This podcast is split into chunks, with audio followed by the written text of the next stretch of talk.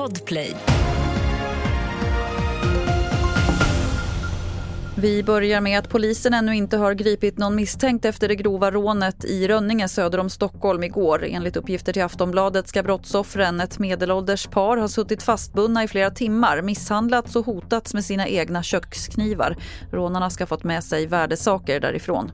Så det senaste om kriget mellan Israel och Hamas. Igår kväll diskuterade FNs säkerhetsråd kriget för att försöka nå fram till ett eldupphör, men de kunde inte enas. Samtidigt säger Israels premiärminister Netanyahu att Israel inte kommer att tillåta en allmän vapenvila förrän alla gisslan har släppts av Hamas.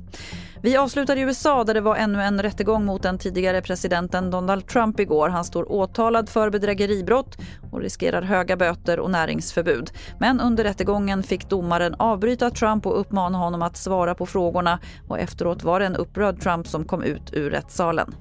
This is a case that should have never been brought. It's a case that should be dismissed immediately. The fraud was on behalf of the court. Och fler nyheter finns på tv4.se. Jag heter Lotta Wall.